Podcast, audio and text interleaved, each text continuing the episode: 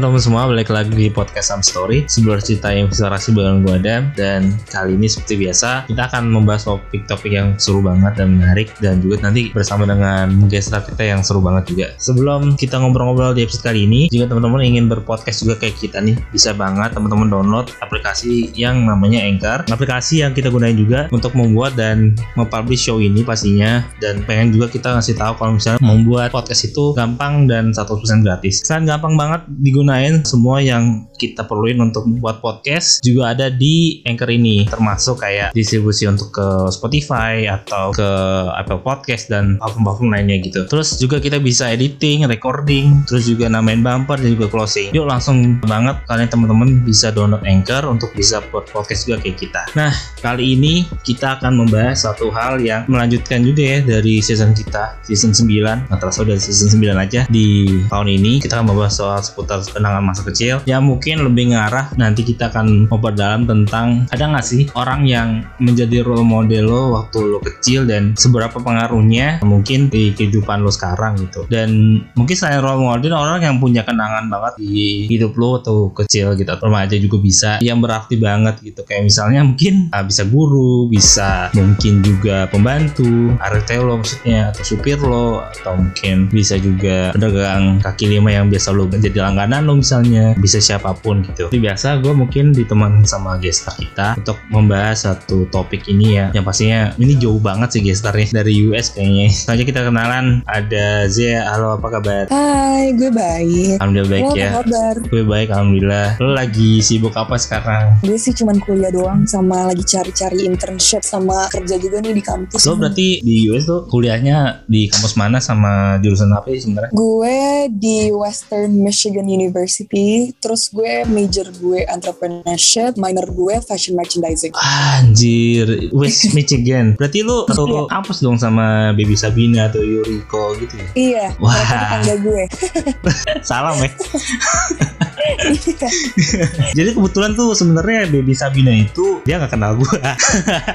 Pastinya, tapi gua kenal sepupunya. Ini itu temen SD gua kebetulan. oh, Iya, jadi kayak Jakarta speed banget juga. ya. Jadi tuh pas gua tahu kayak anjir dia, dia ternyata sepupuan gitu. Jadi kan kebetulan emang teman gue ini udah kenal baik termasuk orang tuanya bokap gue tuh sama bokap gue itu udah kenal baik banget dah dari si Hmm. sepupunya Baby Sabina ini. Jadi ya walaupun udah lumayan lama lost kontak ya karena kan gue satu Hmm. SD tapi SMP SMA itu beda gitu sih. Jadi gue sama mereka tuh satu college gitu, community college di Jakarta. Hmm. Terus jadi, tapi programnya beda. Dia ngambil yang 3 plus 1 atau 2 plus Hmm. 1 ya gue lupa. 3 plus Terus 1 kalau gue- ingat gue. Iya ya, kalau Hmm. gue tuh yang 2 plus 2 gitu. Jadi gue di sini 2 tahun. Oh iya iya beda. Itu ada ada dua program ya, ada yang dua dua sama Iya. tiga plus satu yang double degree-nya cuma setahun ya. Kita sebenarnya gak double degree sih. Kita emang karena Karena Oh. itunya ya program kampusnya juga. jadi ya. iya jadi tuh kita sebenarnya jatuhnya nggak pernah kuliah di Indo gitu loh jadi kita emang semua muanya tuh dari sini jadi mulai dari kurikulum segala macam tuh dari sini semua jadi basically kita kalau di sini dari dulu cuman tempatnya di Indo aja gitu Iya pasti dosennya juga import kan ke Indonesia juga. iya Terus kenapa akhirnya lo ngambil entrepreneurship dulu tuh? karena gue emang mau dari dulu tuh mau bisnis Hmm. Terus gue tuh awalnya udah ngambil major yang lain tapi ternyata harus double major. Jadi gue kayak nanti tambah lama juga kan lulusnya. Jadi gue kayak ah nggak usah deh gue ganti ke entrepreneurship jadinya gitu. Cuman karena gue emang mau ngambil fashion juga, jadi minor gue di fashion gitu. Jadi lo major lo Entrepreneurship. entrepreneurship tapi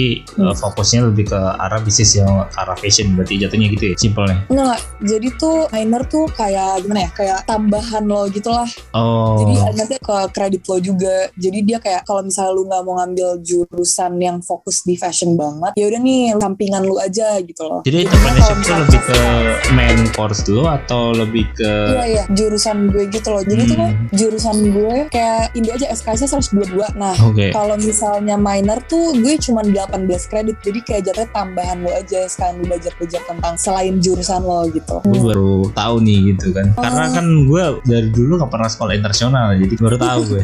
Tapi emang gampangnya emang di mana pun lebih ke kredit atau SKS ya kalau di Indonesia kan SKS ya. Hmm. Iya iya. Satu semester tuh eh, kita diminta minimal tuh 20 22 gitu kalau lo mau cepat lulus 24 ya tapi kayaknya Hmm. ambis banget sih 24 anjir tuh gue kagak menikmati banget iya serius dari zaman gue tuh SMA Cuman 15 di sini. oh iya 15 wajibnya Iya, wajib karena di Indonesia tuh doyan belajar tapi uh, ujung-ujungnya kebanyakan Tapi belajar enaknya kita nggak ada skripsi. Cuma maksudnya ada orang yang Oh. bisa pilih kayak mau tesis atau enggak sih. Cuman gue milihnya ya ujian biasa. Iya, kalau di luar negeri bisa gitu. Emang Hmm. ada coursework atau ada juga yang tesis, ada juga yang mungkin ada yang project juga ya. Indonesia tuh masih ya Hmm. ini harus eh, ke riset karena jumlah riseter kita kalau nggak salah emang nggak sebanyak di luar negeri gitu. Bahkan peneliti kita tuh malah dihargainya di luar negeri gitu loh. Banyak banget Hmm. jadi kita yang lebih dihargai di luar negeri dan dibiayai oleh luar negeri karena contohnya kemarin gue pernah ngobrol sama satu profesor di Jepang gue lupa namanya kampus di deket Haneda Bandar Haneda itu apa ya jadi itu dia cerita kalau misalnya emang dia sampai dibiayain pemerintah Jepang itu dan ya kan apa ya MM ya kalau misalnya dia punya lab ya datangan di Iya. Indonesia nggak akan bisa dapat segede itu sih kayaknya Iya. seperti itu Yang dapat kredit ya berarti. dari Iya bener banget Mungkin juga kita kan ngomongin soal Lebih ke topik kita nih kan Soal kenangan masa kecil gitu Kenangan masa Iya. kecil lu tuh gimana sih dulu gitu kan Sekarang kan lu kan pindah ke Amerika gitu Pasti kan ada perubahan secara culture dan juga kebiasaan budaya gitu kan Jadi gue tuh termasuk orang yang dekat banget sama keluarga sih kayak gitu family over everything gitu kalau gue ya. Hmm Jadi gue sama orang tua gue dekat, sama adik-adik gue dekat, terus sama apa keluarga besar deh tante gue segala macam tuh gue deket banget. Sampai dulu basically gue tuh waktu kecil gue tuh tinggalnya jatuhnya sama kakek nenek gue ya karena gue lebih banyak juga spend time sama mereka pas sebelum nyokap gue tuh berhenti kerja Oh, gitu. Jadi iya, jadi dan gue tuh dulu rumahnya juga dekat sama kakek nenek gue. Jadi bener-bener waktu kecil tuh gue sering banget diculik ke rumah mereka Hmm karena deket banget kan terus iya gue tuh dulu juga termasuk orang yang gue dari dulu udah banyak ngomong sih banyak ngomong banyak tingkah. Jadi kayak gue ya gampang aja gitu punya teman dapet teman segala macam. Karena gue kan setiap sore gue tuh nggak mau pokoknya gue harus keluar. Gue harus bener-bener main sama teman-teman gue. Sampai dulu nyokap bokap gue tuh bilang waktu gue tinggal mereka sama Hmm. om gue gue tuh dulu tawuran sama anak-anak. Buset deh kayak Tauran jadi jadi tuh gue liat kayak gue gak tahu ya ini soalnya gue nggak nggak punya memory tentang ini sama sekali. Ini gue bener-bener ceritain doang. Hmm. jadi tuh kayak ada dari komplek sana deh bukan gue komplek tetangga gitu Oke datang ke komplek gue gitu gue nggak tahu ya ini anak-anak kecil bocah SD gitu lah tapi posisinya gue tuh masih kecil banget umur 3-4 tahun lah hmm. Terus karena gue paling berani, gue maju duluan, gue tonjok aja orang paling depan. Mereka semua tuh bercabut kayak, eh awas ada sih ada sih. Mereka tuh bener-bener yang kayak, padahal gue paling kecil di situ posisinya. Mereka semua tuh SD, gue umurnya 3-4 tahun, gue tonjok. Terus gue yang kayak, gue gak punya sih, gue gak ingat sama sekali tuh tentang kayak gimana. Cuman ya kayak gitu. Terus gue juga deket banget sama oma opa gue, sampai gue tuh diajak opa gue tuh ke mana-mana, nganterin tante gue lah, waktu dia kuliah segala macam. Jadi ya kayak gitu sih. Waktu SD gue juga temen gue juga banyak. Terus sampai adik gue lahir umur gue 3 tahun, nyokap gue tuh berhenti kerja kalau nggak salah pas gue kelas 1 SD deh atau kelas 2 gue lupa deh. Pokoknya kayak gitu biar dia bisa fokus sama anak-anaknya kan. Jadi tapi gue tetap masih deket banget sama oma opa gue karena gue mainnya karena gue kalau nyuruh main makan indomie ke rumah oma opa gue karena di rumah gue nggak boleh makan indomie gitu. Pelariannya ke situ ya Berarti ya Mau malu berarti ya Kalau misalnya lu mau bandel berarti ya Iya, gue makan ciki segala macam gue yang gak Ya nggak boleh-boleh gue gitu makannya ya. sama mereka Iya. makanya gue deket banget kan sampai sekarang pun gue masih deket banget tapi ya waktu gue pas 5 SD Hmm. papa gue meninggal ya itu gue jadi gue sedih banget lah ya soalnya kan gue bener-bener deket banget sama dia bener-bener biggest heartbreak gue banget sih parah sampai sekarang kalau misalnya gue inget gue masih kayak aduh gitu Nanti mungkin kita akan lebih detail soal opa lu ya. Mungkin gue mau Hmm. mau bahas kenangan masa kecil secara general dulu kali ya. Berarti kan lu dari dulu emang berarti lu termasuk yang tomboy juga gak sih kayak udah berani nanya orang gitu bisa gila. kalau gue tuh cuma greget aja sih gue tuh kadang-kadang suka high temper gitu loh. Gue yang kayak apaan sih nih gitu loh. Kayak terus ada tetangga gue direbut mainannya sama sepupunya juga. Hmm. gue tonjok. Terus abis itu uh, orang tuanya kan kayak ah, siapa yang nonjok? gitu kan. Dia kan cowok nih. Terus abis Oh, itu dia bilang iya. itu yang cewek gitu. Terus mereka malah kayak ya elah sama cewek aja kalah. Kayak gitu. Wah, anjir. Indah banget sih. Ih, Iya sih. Masa? Gitu. Gue cuman dulu kayaknya gue bong soft skill deh. Gue bener-bener gak takut apa-apa sih kayak waktu gue kecil. Gila sih. Gitu. Gue tuh justru malah dulu tuh orangnya gue istilahnya waktu dulu kan gue tinggal di awal-awal gue lahir lah sampai umur sekitar mau 4 tahun tuh gue di Depok gitu kan terus sama Depok sepi banget dari dulu emang serem sih kayak tau sendiri kan kayak babi ngepet ada di sana gitu yang aneh-aneh ada di sana ya kan nah itu ya. Iya, emang udah serem banget sampai mungkin kan sebelum ini kan gue ada episode horror ya gue ceritain emang Hmm. sampai tuh waktu kecil gue punya kayak temen hayalan orang-orang atau atau orang tua sih bilangnya temen hayalan ya. Cuman gue ngerasa tuh gue nyata banget ya dia karena emang dulu kan dulu emang gue tinggal di rumah yang dulu ya di Hmm. Depok itu. Nah itu memang yang gue itu kapten pelni gitu dan gue sosok Hmm. yang gue lihat itu lebih ke kapten kapal gitu. Jadi gue kan Hmm. panggil akrabnya dulu namanya Ten gitu. Jadi panggilnya si Ten gitu. Gue panggilnya Hmm. dulu. Nah sampai di gue inget banget sama-sama nih Ten gue. Jadi tuh malam-malam sekitar ya dini hari gitu gue kebangun terus kayak gue liat ada sosok yang kayak jadi horor ya. Ya emang bagian dari masa kecil gue juga sih soalnya. Sosok yang tadi gue bilang kayak kayak kapten kapal gitu bantuin gue turun dari box gitu. Box tahu kan box yang beranak kecil gitu kan. Iya. Itu kan sebenarnya tinggi banget dan dengan ukuran tinggi gue dulu dengan kemungkinan logikanya gue nggak pernah bisa turun. Hmm. Nah, tapi tiba-tiba pokoknya paginya itu gue di, udah, udah di bawah orang tua gue, gue tuh kaget banget lihat Hmm. gue tuh udah di bawah gitu, Gitu sih. Jadi emang Keren ya. iya dan lagi juga di zaman itu gue tuh istilahnya ya bandel banget sih kayak kalau dikasih botol minum susu dulu kan gue nggak kulasi jadi kayak langsung susu itu juga. Formula ya. Iya, terus botolnya tuh gue buang ke taman. Terus juga gue sering banget kencing sembarangan sampai ini agak jorok ya, cuman kota kecil ya, mau gimana ya? Mungkin hampir nggak bisa kencing karena kan ada mungkin ada penunggunya juga kan gitu gitu. Jadi kayak bandelnya kayak gitu. Pernah juga karena gue orang kepo ya, terus ada bokap gue lagi nyuci mobil, terus ya tiba-tiba gue kayak salah pijakan gue jatuh ke got itu, jadi kayak sering banget lah gue jatuh ke got, jatuh semua tuh sampai sering banget dipanggil tukang pijit, sampai nangis nangis, potong rambut aja dulu nangis gue. Jadi emang secupu itu gue dulu.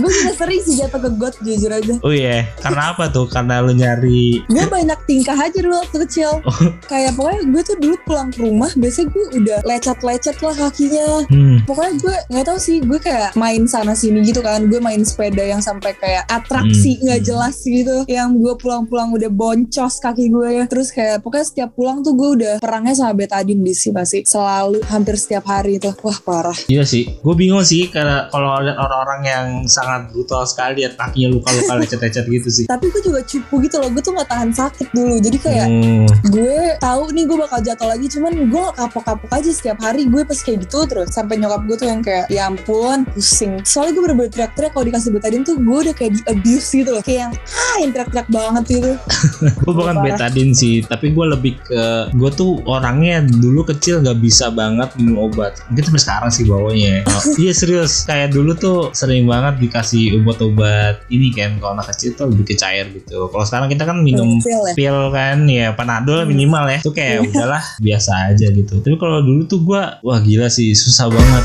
minum. Harus direjeng. Eh, bahasanya rejeng lagi itu gimana? Bahasa dapur kayak, kayak dipegangin lah. Sampai ada lima orang delapan orang gitu. Susah banget gitu. Hmm.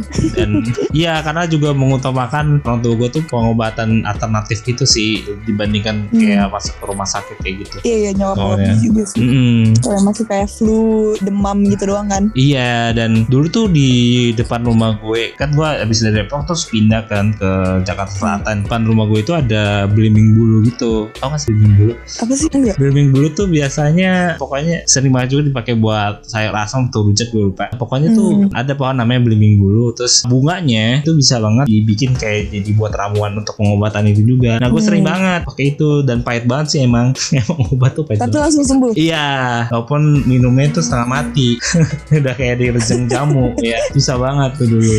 Dulu tuh dulu berarti kalau misalnya sakit tuh kayak gitu juga nggak sih? Kayak apa lo termasuk yang berani kayak yaudah minum obat lah, kalau minum obat sih gue gak ada masalah deh kayaknya. Nggak ada masalah ya. Cuma ya gue sih kayaknya dulu tuh gue nggak yang kayak ribet itu deh kayaknya. Nggak tahu juga ya. Cuman setahu gue sih gue kalau misalnya kayak minum obat ya minum obat aja. Kalau sakit ya sakit aja. Nggak yang kayak rewel pasti ada lah anak kecil. Cuman gue nggak yang kayak ribet gitu sih kayaknya. Iya iya Harusnya. iya, berarti gue aja yang ribet. Kayaknya ya, nih gue nggak tahu juga nih nanti kalau misalnya nyokap gue dengerin podcastnya juga nyokap gue yang kayak apaan. Jadi gue nggak tahu juga ya. Semoga aja dia nggak bilang gitu. Apaan berarti lu ribet tuh dulu atau? Iya. Bohong banget enggak enggak sih Tapi lu dulu tuh waktu kecil ada gak sih kenakalan-kenakalan yang lu pernah lakuin gitu dulu? Selain tawuran ya tadi ajak anak orang anjir. Apa sih dulu kenakalan lu dulu? gue tuh aduh kenanya apa ya gue agak kayak mikir dulu nih gue yang paling gue paling inget tuh hal bodoh banget itu adalah pas gue lagi gue lagi sakit nggak ya gue lupa deh gue tuh lagi mau push up gitu nih waktu SD Oh, Oke. SD tuh TK gitu gue lupa mau push up Iya. tapi pas di atas tangannya gue lepasin jadi otomatis gue jatuh dong jatuh terus dagu gue berdarah gitu kan berdarah. Tapi nyokap gue seperti biasa nyokap gue cuma kasih betadin jadi kayak ya udah itu kayaknya harusnya dijahit deh. Cuman kayak ya udahlah kasih betadin aja. Terus pas udah setengah sembuh gitu yang kayak udah agak koreng tapi masih basah gitu gue lagi loncat-loncat nih di kasur sama adik gue. Terus yang berdarah itu kena kuku adik gue jadi gue berdarah lagi cuy. Kayak ke kebuka wah itu parah sih sampai sekarang. Gue juga masih ngilu kalau denger eh kalau ingat gitu deh. Kayak yang paling gue inget itu deh. Terus gue tiap hari Hmm. main ya main biasa lah di lapangan gitu dekat rumah gue kita main badminton lah sama teman-teman gue pokoknya setiap sore pasti gue tuh selalu main pokoknya gue nggak boleh main di sebelum jam 4 tuh gue nggak boleh karena masih panas menurut nyokap gue jadi jam 4 gue keluar sebelum maghrib gue harus udah pulang lagi udah gitu Hmm, wadah. Itu deh. wadah. Ih, sama gila, gue dulu gila. punya kelinci banyak banget sih kayak totalnya kayak gue punya kelinci 6 deh cuman kayak dalam waktu yang berbeda gitu jadi kayak dua dulu beli mati beli dua lagi gitu sama banget dulu gitu. Lu pasti belinya di mana? Di puncak beli di puncak kayaknya gue pernah deh Pernah kan Iya. pasti. iya Pasti kegoda kan lu lu kalau misalnya lihat kebun teh terus ada orang-orang keli- keliling bawa-bawa kelinci gitu kayak aja aku mau gitu kan. iya iya Iya, pasti lu pengen banget bawa pulang gitu. Dan sedihnya dulu tuh gue pernah kayak paling nggak ini ya, maksudnya masih belum ngerti untuk caranya bisa ngerawat hewan dengan Jaga, baik iya. kan. Iya. Hmm. Jadi waktu itu kayak gue kelupaan gitu, lagi ada penyemprotan ini untuk nyamuk ya kan. Hmm. Wah anjir, kita tuh pada beli semua di mobil, kita cabut, terus tapi kayak kelinci gue di depan rumah gitu. Waduh anjir mati dong kelincinya. Terus waduh, dia pokoknya susah banget deh. Terus ikan juga sering banget kan waktu itu kan kayaknya gua nggak di akuarium yang di kotak itu kan lebih ke akuarium Hmm. atau kan yang dibuat taman bentuknya bulat gitu. Nah itu Iya, iya. sering banget ikan gue digondol sama kucing. Wah gila belinya juga mahal banget ya kan koi ya kan. Wah tuh nggak bisa deh pokoknya ngerawat hewan. Jadi sebenarnya tuh gue suka banget ya pengen ngemelihara kucing atau melihara apa Tapi gue Hmm. takut banget mesti ngerawatnya. Dan apalagi kayak apalagi kucing ya kayak bersihin tainya tuh pasti ribet banget kan Waktu itu ada gue main ke rumah temen gue kayak perpisahan kelas gitu Terus dia punya kucing Terus Hmm. kucing itu tiba-tiba kencing di sofa gitu anjir. Gue bayangin kayak gue punya kucing terus kencing di sofa gue gimana beresinnya ya kan? Pusing banget pasti kan gitu. Emang itu iya effort banget gak sih kalau miara gitu? Kan sekarang atau dulu tuh sayang kelinci miara apa lagi sih tuh? Gue dulu punya ikan juga banyak. Oh. yang di teras gitu lah kayak akuarium gede gitu. Iya. sama dulu tuh rumah gue kayak ada air terjunnya gitu yang di tembok gitu kan. Itu juga Hmm. ada ikan-ikannya jadi suatu saat ini adik gue tuh suka banget sama satu ikan yang tau gak sih yang di otaknya tuh ada kayak bubble-bubble gitu yang di kepala eh iya iya iya iya iya. Iya yang itu. Tapi gue tuh penasaran banget Di dalam itu pala itu ada apa gitu loh. Anjir Jadi gua suruh belek Terus Pas gue gunting Gue masih mending ya black. Ini gue gunting Gunting Anjir. kertas tau gak sih? Iya, gunting, Terus ternyata eh, Tapi itu ikan kesayangan adik gue. Jadi gue yang kayak Anjir gue merasa bersalah banget dong. Tapi ya Gue udah gak penasaran lagi Kan dalamnya cuma air ternyata. Ya waduh anjir anjir. Akhirnya adik gue kayak baru tahu beberapa saat setelah itu deh. Kayak dia kan gue lupa ya dia kayak gimana reaksinya. Cuman pasti harusnya marah sih. Iya Cuman dong, kayak, cewek banget sih. aja. Enggak kak gue kenapa sih? gitu loh. Padahal Adik cewek cewek tuh cowok. dua-duanya cewek Dua-duanya cewek. Iya. Bedanya dikit-dikit juga kayak tadi kan Eh, yang kamu tiga tahun. kedua, yang kedua nih bulan ini dia bakal 18. Yang ketiga Eh, dia yang beda ketiga? 13 tahun sama gue. Eh enggak maksudnya yang kedua. Yang pertama itu kan adik gue ada dua nih. Ah. Yang pertama Oktober 8, Oktober ini nih 18. Oke. Yang kedua baru 8 tahun. Itu jauh banget. Iya jauh banget emang. itu pasti apa kayak hamil itu kaget banget kan kayak udah lama hamil terus tiba hamil gitu ya nyokap gue berarti ya Iya sih, cuman dia emang mau punya anak lagi. Cuman ya baru kesampaian pas gue umur 13 tahun. oh gitu dari dulu tuh kayak pengen banget apa punya anak lagi ya gitu gue yang kayak ya terserah gue sih gue tuh termasuk yang suka anak kecil gitu loh Iya. mas gitu jadi kayak ya udah gue sih oke oke aja gue sih sebenarnya lumayan ya maksudnya dibilang dibilang nggak suka enggak dibilang suka tuh nggak nggak banget juga karena gue paling males ketemu anak kecil sekarang tuh yang bacot gitu loh kayak Oh, iya. iya kan rese banget gitu kadang apalagi kalau misalnya zaman zaman lagi terawih ya anjir lagi orang sholat di lari lari lari lari Buset. maksud gue orang tuanya kalau misalnya anak lo belum siap seenggaknya untuk ngikutin sholat usah dibawa apa susahnya sih gitu kan dia ada yang jagain setidaknya nyokapnya atau siapanya gitu kan yang nggak sholat tuh loh Iya. kenapa harus dia bawa sih gitu rese banget tuh mas Mat. iya kesel banget gue udah dibilangin anaknya rese gitu tetap apa yang dibawa anjir bingung gue konsepnya gimana gitu nah bahkan ngomongin terawih, iya ngomongin terawih ada ada apa cerita apa lo itu dulu gue tuh dulu suka terawih sama temen gue kan. Cuma Hmm. pasti nggak fokus dong sholatnya kayak gue kan gak terlalu yang kayak ya sholat dulu sebelum gue tahu harus baca apa baca apa tuh gue nggak baca apa apa dong. Kayak ya udah Iya. terawih aja. yang penting gerakannya dulu nih, temen gue dua tahun di atas gue, Hmm. cewek, dia tuh kalau sholat suka jinjit, suka jinjit jinjit mikir kayak oke sholat harus kayak gini deh. Gue jadi gue ikut jinjit juga. Kalau dia jinjit kayak waktu dia jinjit deh kayaknya ini anjir. Anjir. Untung lo belum ketemu baca-baca FF ya Kayak yang sujud FF tau gak lo Iya, Yang Black lo ntar iya, ikutin iya, iya. Gepek banget Bocil-bocil rese ya. Ini bocil-bocil aneh banget Kenapa ada sujud FF ya Gue bingung gue konsepnya apa ya Kayak PUBG gitu kan ya? Iya iya iya iya FF tuh maksudnya Free Fire Maksudnya Iya Iya, iya. Nah kalau misalnya soal ada gitu, uh, juga. yang gue inget tuh ini sih pastinya gue suka banget kalau misalnya ada teraweh kan ada ceramahnya kan lama kan males kan. Hmm. Itu itu Hmm. udah langsung gue cabut ke bawah. Gue suka banget jajan-jajanan sembarangan tuh yang Oh iya iya. Iya kan Gue yang esnya kita suka. nggak tahu dari mana itu. Iya, Terus iya. terus zamannya ada yang kayak Iya. jual tahu gejrot lah atau apa sering banget gue beli tuh. telur gulung. Telur gulung ya kayak gitu-gitu ada lah di Iya. halaman masjid dulu masih jual gitu. Sama main uh, sih. Iya, sempet ngalamin Iya, juga lo beli-beli gitu ya. lidian Iya, i. Wah, gue suka banget sih. Nah itu juga gue selain mungkin gue juga sering kalau misalnya terawih selain yang beli jajan-jajan itu gue sering banget main petak umpet atau main, main perang sarung. Hmm, Sering iya. banget juga tuh kayak gitu. Karena kayak males banget ceramahnya bisa sejam sendiri gitu, males banget dengerinnya gitu. Gue juga paling cuma 11 rokaat langsung cabut. Gak ada tuh gue yang lanjutin gue yang kayak kayak cabut nih. Mungkin gue juga di masjid-masjid dekat rumah gue sih gue juga pilih yang 11 rakaat sih. Males banget ya 23 rakaat gue pernah. Capek banget. Gue yang kayak aduh gak ada. parah parah terus mungkin kenakalan yang gue inget juga nih berhubungan sama mantu gue sih. Jadi gue mungkin dulu nilainya kayak bandelnya bukan yang gimana gimana banget cuman ngeselin aja sih bandelnya. Terus kayak pernah RT gue saking kesel sama gue tuh sampai kaki gue tuh udah mau patah gitu kayak mau matain kaki gue serius? Iya. Anjir sampai ini sekarang sampai sekarang ada bekasnya gitu kayak kaki gue tuh tonjolan gitu jadinya kayak bentukannya. Serem banget. Iya dulu waktu kecil tuh wah gila sih. Sampai gue diurut gitu gara-gara dia ngamuk. Anjir dia kesel banget sama gue gitu sampai ada pernah ART gue sebelum yang terakhir gue punya ART gitu dia nulis sampai kayak ada nulis surat gitu. Hati-hati ya sama Adam gitu karena itu dia nakal banget bocahnya terus ngeselin gitu. Intinya gitulah. Sumpah di lemari kamar pembantu tuh ada tulisan itu. Anjir gue bilang. Saking gila. badungnya tuh ya. saking badungnya dan saking ngeselinnya gue dulu gitu. Sampai gue pernah gue nggak tahu gue merasa atau apa ya kayak karena dulu tuh gue ikut TPA gitu dan ya guru-guru ngaji kan kadang ada yang keras ya ada yang galak gitu kan. Tapi gue dendam gue pengen ngejahatan dia lah gitu. dulu iya. Saking bandel dan saking hampir psikopat ya gue dulu gitu. Wah gila. iya. Itu Paling itu sih kenangan. cuman hmm. pernah nangisin pembantu gue doang ya. lu apain anjir?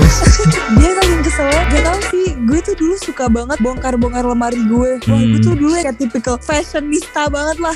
Oke. Tapi kayak gue tuh cuma pengen coba-cobain baju aja. Kayak "Ah, pengen cobain deh. Terus ya udah gue sampai bongkar semuanya. Mbak gue tuh sampai kayak Ya Allah tiap hari gue bongkar nih baju Satu lemari yang gue bongkar. Masalahnya. Wah anjir jadi tuh yang kayak udah tebel banget terus dia nangis gitu terus gue yang kayak oke terus akhirnya nyokap gue kayak ngeliat gitu terus nyokap gue ngamuk sama gue ya udah gue suruh bantuin rapihin deh Berarti lu, lu punya pembantu tuh lebih sering ganti atau sampai bertahan lama gitu jatuhnya dulu tuh? tergantung sih gue ada yang lama banget ada yang bentar-bentar cabut cuma Hmm. kayaknya nggak sebentar itu banget deh kayak paling bentar kayak tiga bulan cuma tetap aja nggak yang kayak lu sebulan sekali ganti gitu enggak sih Oh iya. cuman banyak juga yang sampai bertahun-tahun gitu. Sama sama sama. Gue tuh sampai kayak ada yang enam tahun ada yang ada yang Hmm. eh, berdua ada cerita tragis yang pembantu pertama nyokap gue ya. Jadi atau ART gue tuh dulu jatuhnya kalau orang Sunda ya atau orang Sukabumi kita sering banget tuh dapatnya ada dari Sukabumi gitu ART-nya Hmm. dulu. Nah terus jadi pembantu pertama gue itu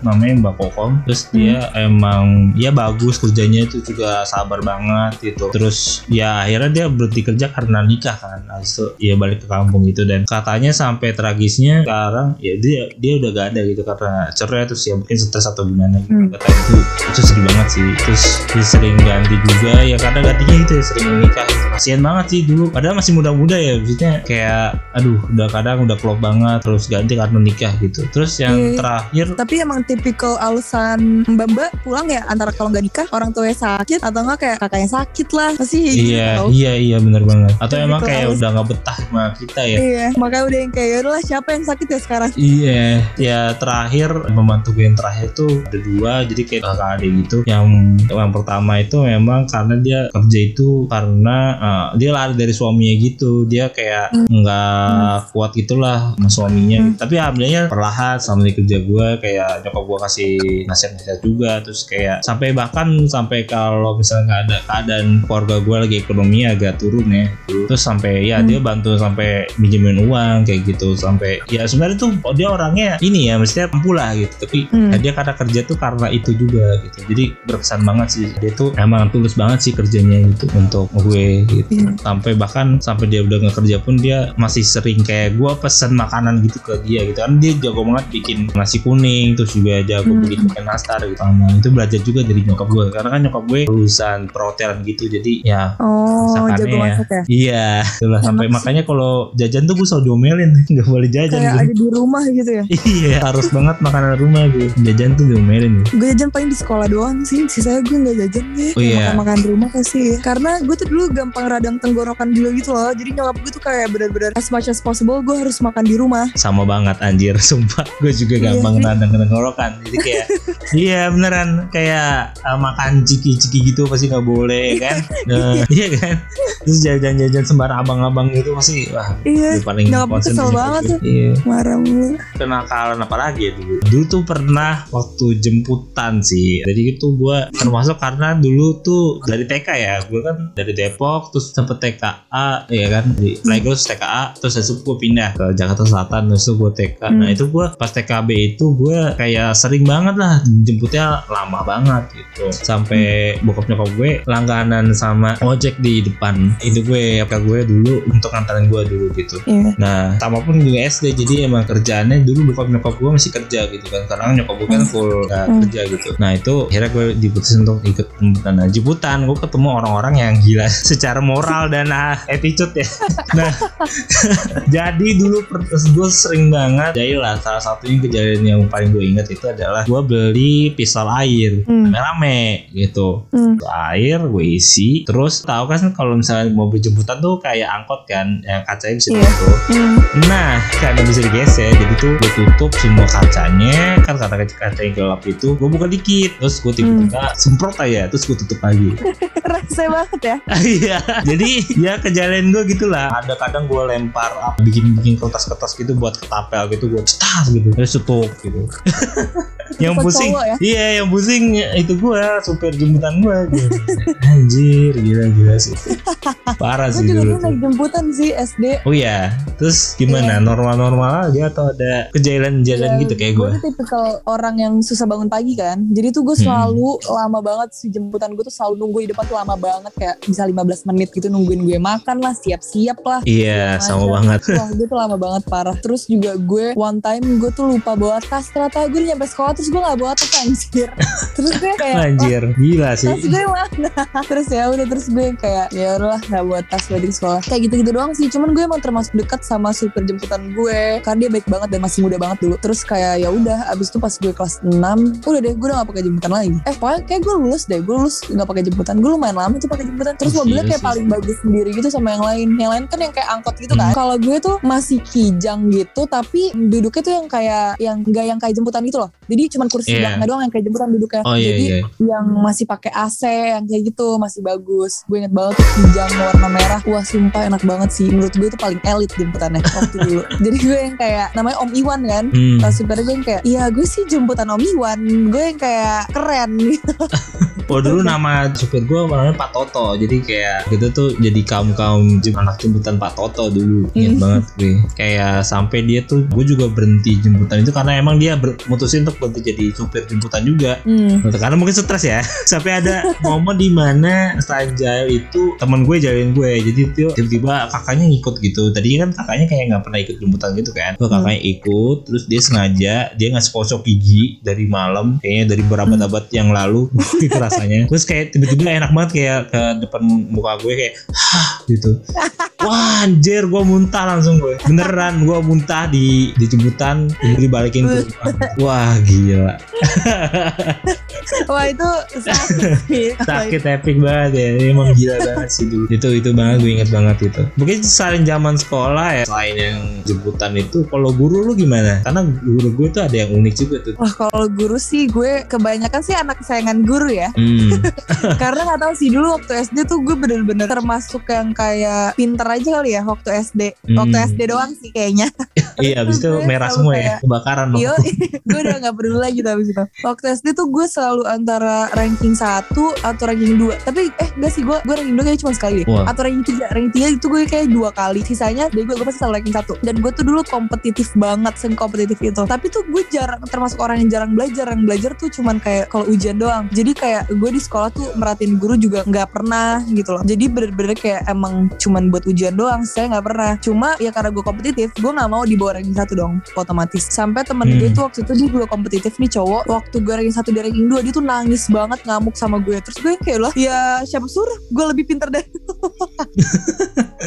anjir gue sampai nangis. Terus yang kayak nyeh ya udah bodo amat. Terus kenapa? Gue juga kompetitif. Oh parah, gue kompetitifnya parah banget dulu waktu SD. gue ngerasa dari dulu tuh ranking tuh bukan jadi prioritas gue gitu dulu kayak Hmm. prioritas gue waktu zaman SD gitu ya ataupun zaman SMP SMA ya nikmati ya zaman zaman sekolah gitu aja sih sebenarnya nah tapi gue pernah ada cerita yang mungkin ya untuk guru tuh ini spesial banget sih dan spesial untuk temen gue juga waktu SMP jadi tuh dulu kan ya kan sa- kita sama-sama ada di sekolah Islam yang mereknya sama ya walaupun beda yayasan tuh. Nah jadi itu guru gue guru agama bahasa Arab ya dia kalau ngajar unik banget. Jadi dari gua kelas 7 sampai kelas 9 gue kalau misalnya ada belajar dia gua selalu diajak ke ruang fisika untuk nonton film guru agama. Hmm. dan kalau misalnya gua ulangan itu semua satu kelas disuruh nyontek sama dia. Gila nggak? Wah enak banget sih.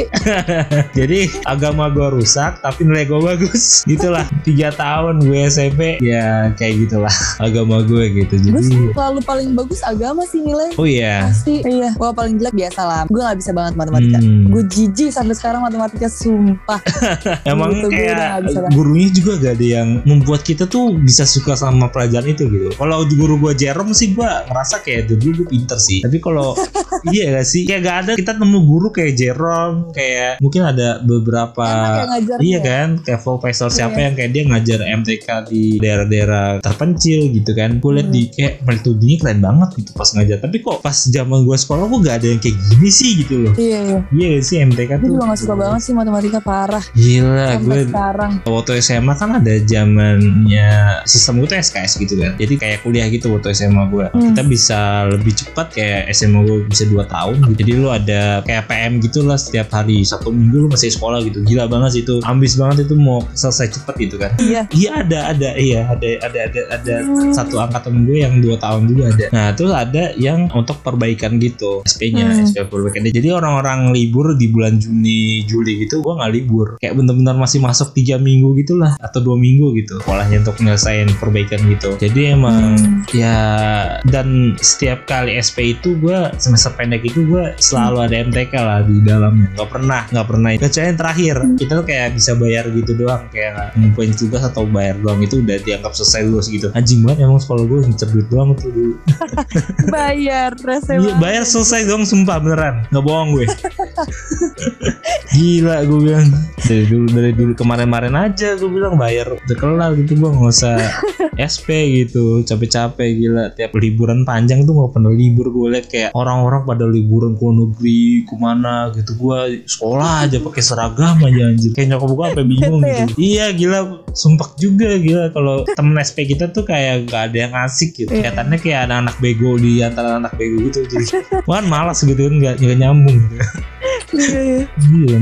gue SMP sih dekat juga sih sama guru-guru. Tapi gue udah mulai kenal pacaran tuh. Sebenarnya dari SD sih gue kenal pacaran cuman maksudnya kayak Buset Pacaran tuh ngapain sih? tuh. pacarannya? Bingung gue dulu tuh. SMP tuh ngapain ya? Gue sih wah gue tuh bener-bener ini salah gue ini penyesalan sih termasuk ya. Hmm. jadi tuh gue tuh boleh pacaran sama orang tua gue tuh SMP Oh Kayak- oke. Iya ya baru boleh pacaran. Jadi tuh kayak gue pacaran Nah posisinya tuh Ini kelas 7 tuh gue punya berapa pacar ya? Maksudnya kayak udah berapa ganti pacar tuh kayak 3-4 kali deh Kelas 7 sampai kelas Hmm. 8 Kalau gak salah. Terus abis itu gue pacaran sama Oke. satu orang nih Kelas 8 Sampai kelas 1 SMA Lumayan lama. Oke. Terus akhirnya Tapi gue jadinya gak punya memori apa-apa Selain sama cowok gue Karena cowok gue tuh termasuk yang posesif banget. Gue tuh kebanyakan temen gue tuh cowok kan Soalnya gue maksudnya lebih nyambung sama cowok lah. Terus jadi temen cewek gue tuh Yang deket sama gue tuh waktu SMP Paling cuma 2-3 orang. Terus Hmm. kayak cowok Akhirnya nih sahabat deket gue banget nih. Ternyata cowok gue tuh gak suka sama sahabat gue Padahal dia tuh temen deket banget sama sahabat gue juga. Jadi dia pokoknya gue tuh gitu kalau ngomong sama Makanya gak jelas. Kalau ngomong sama cowok Dia tuh marah. Ngomong sama cewek juga marah. Jadi tuh gue pokoknya harus sama dia terus. Pas SMP parah separah itu. Dia posesifnya Sampai gue pun kayak ke kantin aja Gue tuh gak boleh kalau gak sama dia. Pokoknya gue harus sama dia terus. Sama dia sama temen-temen cowoknya. Sama temen-temen cewek gue juga juga gak boleh. Wah ini parah banget sih. Terus abis itu dia juga Gue tuh kalau pergi Kalau misalnya kayak dia gak bisa pergi tiba-tiba last minute gitu Gue udah siap. Gue tuh gak boleh pergi. Gue bakal diamuk sama dia Sediamuk itu. Tapi dia tuh termasuk yang Physically and mentally abusive sih. Nah itu Waduh. semenjak gue dari gue SMP tuh maksud gue kayak gue udah kayak makan sehari-hari gue lah. SMP aja udah kena mental abuse gue bingung deh konsep itu gimana sih. Gue selalu menentang soal posesif ya. Kayak lo Hmm. boleh banget kayak mencoba untuk menjadi orang pertama yang melindungi cewek lo karena lo sayang. Tapi Iya. kayak dia tuh belum jadi resmi secara agama dan negara guys gue kayak ada masih kemungkinan lo putus lah atau gimana. Ada itu iya iya. yang sampai ada dulu gue pernah ribut sama orang diajak ribut lah. Kayak dia bilang ya alasan dia posesif pokoknya karena saya gitu. Padahal gue tuh gue cuman ngechat doang gitu ada ajak jalan karena gue juga nggak tahu kan dia punya cowok kayak dari pihak cewek kadang juga gue bingung tuh. Kadang nggak bilang kayak misalnya gue ajak jalan misalnya. Ya gue bilang aja kayak sorry gue nggak bisa karena gue udah punya cowok. Kan susah banget nggak Iya. bilang gitu sih. Tapi kayak Hmm. ditolak tuh gak ada alasan yang jelas sih. Jadi tuh gue ngerasa kayak mungkin dia belum aja gue mungkin kecepetan gitu kan. Nah habis itu kayak ya udah karena itu kayak gue terus minta maaf soal macem lah. Jadi kayak ngebelanya tuh sampai dia nggak nyari gue tuh sampai bawa temen-temennya gitu. Jadi gue inget banget gue pernah kayak gue pernah ceritain juga di pas kids season soal cinta ya. Jadi waktu itu kejadiannya pas kelas 10 semester 2 tuh inget banget gue. Jadi kita lagi filter di BNN di BNN nih. Tapi ke BNN ya? Iya, BNN nih filter gue. Terus bukan karena diciduk karena narkoba, karena gue tuduh mencoba merebut cewek orang. Jadi aneh banget nih. Jadi tuh sampai temen-temennya tuh nyari gue dulu tuh gue ada panggilan apa ya waktu zaman sekolah tuh uh, ada panggilan khusus gitulah namanya gitu kan. Nah gue dipanggil itu uh, lo kenal si ini gak gitu si panggilan khusus gue ini dia nyuruh kayak temen-temen gitu manggil nyari gue dengan tapi dia nggak tahu nama asli gue. Taunya panggilan julukan gitulah gitu kan. Nah itu tahu ini ya gue bilang lo ini ya lo Afung ya misalnya gitu bukan gitu gue Adam gitu terus Hmm. anjingnya tiba pas temen-temennya itu udah nengok lagi kayak fokus nyari-nyari gue kayak langsung ada ada yang teriak di belakang kayak Afung gitu kayak gue nengok begonya gitu kayak anjir gue ketahuan gitu. Jadi kayak wadaw anjir kenal lagi gue terus ya udah akhirnya ya diomongin kayak gitu jangan gangguin cewek gue lagi selama ngapain cewek gue gitu. Gue bilang enggak gue nggak apa-apain gitu kayak ya cuma ngajak chat doang sih gitu kayak Hmm. ya gimana sih gitu. Itu sih makanya gue ngerasa posesif tuh ya boleh aja tapi ya nggak harus kayak gimana banget gitu sih. Makanya gue cuman punya memori SMP tuh kebanyakan ya dia doang Hmm. 90% dia doang. Tapi yang jeleknya ya dia mentally physically abusive Hmm. sih. Jadi gue kayak ya jatuh makan sehari-hari. Terus udah gitu deh. Parah banget. Sampai akhirnya gue putus kelas 1 SMA Hmm. terus udah deh. Iya sih, iya posesif atau gue bingung juga kenapa zaman sekolah gitu yang seharusnya kita tuh proses mendewasakan diri tapi selalu diselesaikannya dengan cara ke, ke anak-anakan gitu harus dengan otot Hmm. atau dengan ya pemusuhan secara mental gitu ya kayak udah rame-rame gitu kayak gue malas lah. Misalnya gue walaupun gue mencoba bela diri ya ujungnya kan gue yang salah juga. Kayak gue kan dan dia tuh rame-ramean gitu jadi ya udahlah mas gitu gue perpanjang gitu. Ya ya gue cuma bisa minta maaf aja kalau misalnya kalau gue dirasa tuh salah gitu. Kan topik kita sebenarnya kan membahas soal orang yang menjadi karunia gitu kan. Hmm. Nah, tadi kan lo bilang soal lo ini banget lah sama opa lo kan dulu gitu. Hmm. Kenapa sih dia tuh menjadi orang yang betul orang yang menjadi karunia untuk lo gitu. Karena gue deket banget dari dulu dan dia tuh gue kan cucu pertama juga kan jadi tuh dia kayak ke gue nggak tahu sih cucu pertama cewek lagi jadi dia pasti kayak yang sayang banget gitu dan gue deket banget juga karena gue hmm. selalu ke rumah oma opa gue jadi mereka Hmm. tuh kayak pokoknya gue deket banget deh sama kakek nenek gue terus abis itu kayak gue diajak Hmm. ke mana-mana gitu loh bener-bener kayak gue ke sini gue diajak ke sini gue diajak lagi Hmm. kayak gitu nggak tau sih gue tuh bener-bener kayak jatuhnya kayak tinggal aja gitu di rumah dia karena gue suka nginep juga kan terus Hmm. gue tuh karunia menurut gue adalah gue belajar hal baru juga dari dia banyak. Terus dia juga maksudnya gue suka ngobrol-ngobrol juga gue suka kayak nonton bareng kayak gitu gitulah. Gue tuh dulu nggak pernah kayak gue tuh selalu mikir kalau ada orang meninggal tuh kayak apaan sih? Kayak maksudnya ya udah orang meninggal kenapa lu nangis nangis sampai kayak gini banget gitu loh. Sampai Hmm. opa gue pas opa gue meninggal gue kayak oh gue baru ngerasa nih gitu. Bener-bener orang yang deket banget sama gue gak ada tiba-tiba pergi gitu kan. Terus juga gue memori gue sama dia juga paling kayak dia tuh orangnya bersih banget kan. Jadi kayak dia suka nyapu suka ngepel gitu. Jadi kalau misalnya dia lagi ngepel terus gue jalan-jalan tuh dia suka pukul gue pakai koran gitu loh yang kayak jangan jalan-jalan di kayak gitu.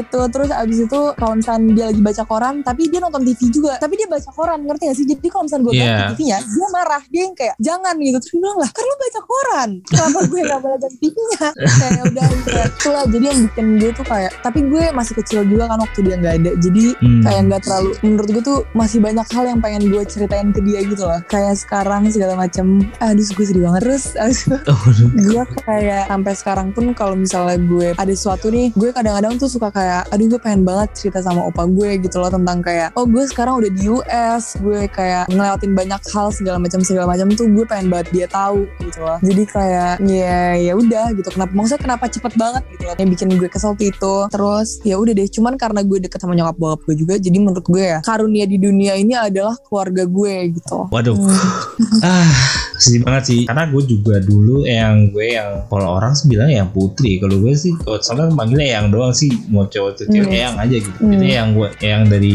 nyokap gue, alias atau nyokapnya nyokap gue itu Hmm. waktu sebelum meninggal itu habis ya main tenis gitu kan. Terus habis Hmm. rumah sa- masuk rumah sakit, yang dicari tuh gue. Karena kan gue cucu pertama dari anak cewek kan. Jadi nyokap gue itu Hmm. satu-satunya anak cewek yang nikah. Jadi kan sebenarnya di Oh, nyokap gue itu kan ada lima bersaudara dan nyokap gue itu anak ketiga dan anak pertamanya cewek tapi nggak belum nikah sampai sekarang. Kayak Hmm. ya mungkin pilihan hidup ya gue urusan dia. Jadi itu gue jadinya kayak cucu kesayangan banget kan dari anak cewek Hmm. pertama nah itu bener-bener itu sih sampai mau meninggal pun sampai ya ingat gue. Karena tapi kan gue masih kecil jadi kan ke rumah sakit kayaknya jangan kan takutnya kedua Hmm. penyakit apa terus segala macam. Jadi Hmm. itu itu banget sedih banget sih. Karena dia yang yang termasuk sayang banget gitu sampai ya kan dulu kan gue sampai gak ada temennya akhirnya gue dibeliin anak ayam lah atau dibeliin apa. Pokoknya sayang banget ya gitu Jadi apa aja yang gue mau juga gue dibeliin gitu loh. Iya kan? Iya. Apalagi Ya, kan lu bilang tadi anak anak cucu pertama juga kan Iya iya. Hmm. Tapi kalau kakek nenek kayak gitu gak sih yang kayak kalau misalnya kita mau apa dibeliin, dikasih duit. Iya, mungkin kayak pembelaan untuk dari kalau bokap nyokap kita tuh agak-agak ada-ada pelit ya. Jadi kayak mereka selalu kadang suka mau belain gitu loh kayak kasih tahu ke bokap nyokap kita kayak lu tuh kalau misalnya ngurus anak kayak gini loh. gitu. Iya sih. Itu yang jadi kenangan banget sih dan gua rasa Hmm. ya kakek nenek itu bener-bener berarti banget apalagi kan mungkin adik-adik gua ada yang lahir di mana mungkin eyang gua udah gak ada kan ada juga yang Hmm. kayak masih belum ketemu lah kayak eyang putri gue eh nyokapnya nyokap gue itu sama kakek gue yang dari bokap itu dua-duanya adik-adik gue tuh nggak pernah ketemu gue doang yang ketemu jadi emang Hmm. jadi kakek gue yang dari bokap itu juga unik banget tuh sebelum meninggalnya jadi Hmm. gue diajak pertama kali ke Cirebon kan karena gue orang Cirebon Hmm. terus dia Oh iya nyokap gue juga orang Cirebon. Oh iya, anjir gila dia speed banget. Di di mana jemputnya? Cirebon di mana lagi? Aduh di mana ya dekat kuburan-kuburan yang Gunung Jati itu kayak. Oh, Iya, gua nggak gua nggak dekat hafal daerah Cirebon. Dekat-dekat Grage lah pokoknya. Oh, Kuningan, Kuningan, Kuningan. Orang Enggak, Kuningan. enggak kuningan dong. Gue dekat Eh, Grage kan Kuningan. itu, Grage yang mall dia. Oh, Gragen. Oh, Yang Cirebon. ya. Cirebon. Cirebon kota maksudnya. Iya. Tante gue sampai sekarang tuh di Pleret ya terus mi Iya iya, gue juga Ah. ya, ada juga deh keluarga gue yang di situ. Wih gila deket banget. Jadi tuh emang Eh. tante gue juga suami om gue, which is ya punya SMK juga di situ dan deket Haji Aput dan Haji Aput itu katanya masih saudaraan sama om gue. Hmm. Ya Haji Aput yang asli ya kan nanti Haji Aput Iya. Haji Aputan ya kan empal gentong. Itu empal gentong kan ya? Iya empal gentong, empal gentong Iya, Haji iya. Aput. Iya yang asli. Iya, iya. Iya, jadi emang terus juga kebetulan juga itu gua jadi sisa keluarga juga nih. jadi emang karena ngomongin Cirebon juga, jadi emang suaminya dari anaknya tante gue itu dia keluarganya keluarga Terusmi juga, ke toko juga di, Terus- di Terusmi lah. Hmm. Iya, ya cukup itu lah kalau di Cirebon gue banyak banget saudaranya kayak dari sana ke sini nyambung nyambung lah. Hmm. Heeh.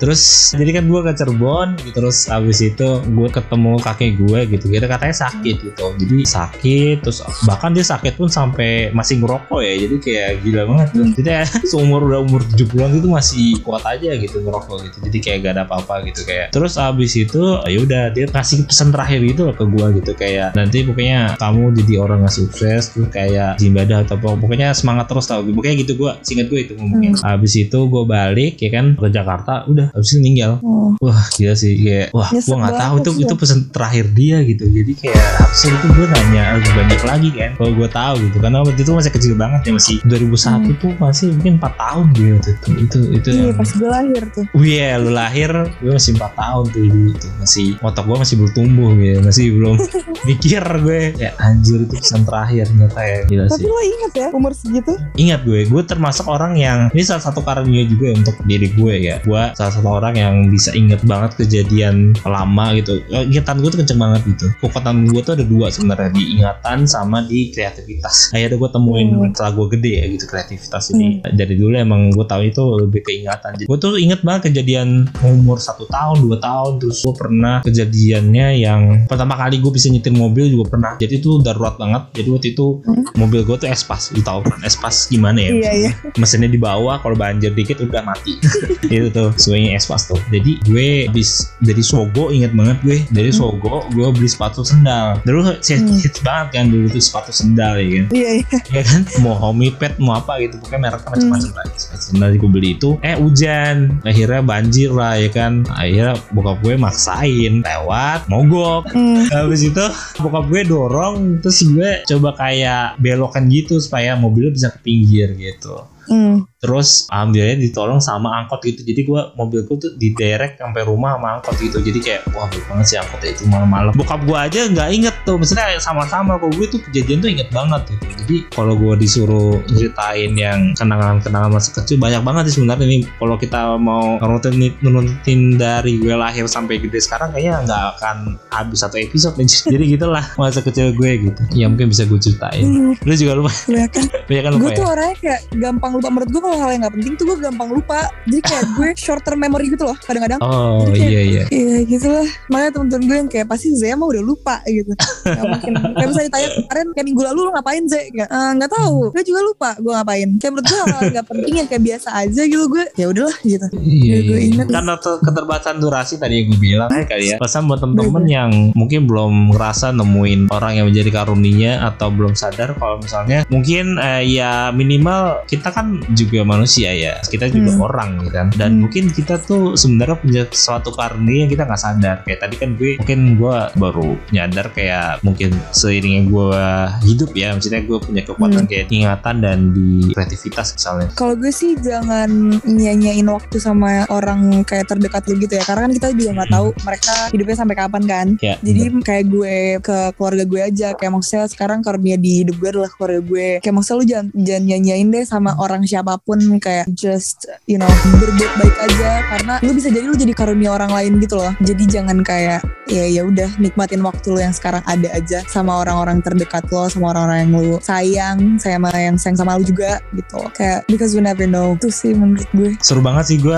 ngerasa nih episode kali ini dapat banget ya soal orang yang menjadi Korean dan kenangan masa kecil yang juga berasa banget banyak yang gue sharing banget juga. Mungkin ada Iya. juga mungkin yang masih belum gue bahas mungkin kita ya next mungkin bisa cerita lagi ya. Mungkin tadi gue setuju banget. Tadi kan mungkin ada penyesalan gue yang mungkin gue nggak tahu ya. Kakek gue tahu-tahu ya ya besoknya udah gak ada gitu kan. Jadi Iya. manfaatin banget untuk waktu lo. Ke orang-orang terdekat tuh terutama jangan sampai waktu tuh cepet banget guys. Tahu-tahu gue gila udah mau perak guys. Du- udah mau 25 nih umur gue kayak wah gila gue berasa tua banget gitu jadi cepet banget waktu jadi harus banget dimanfaatin dengan baik dengan terutama Iya, dengan benar. keluarga dan teman-teman terdekat gitu ya mungkin thank you banget udah mau sharing Zia gue seneng banget bisa sharing sama lo hari ini mungkin kalau misalnya ada temen-temen yang pengen ngikutin media sosial lo gitu mungkin atau ada project yang mau lo share juga boleh nih Instagram gue Zara Zea, double Z depannya Zara Zea. Terus project sih sekarang gue lagi gak ada ya. Gue cuman gue lagi mau bikin bisnis bisnis, cuman ya belum ada yang maksudnya gue udah kepikiran apa, cuman belum mulai-mulai nih. Tapi ya nanti kalau misalnya gue udah bikin, gue datang ke podcast lagi.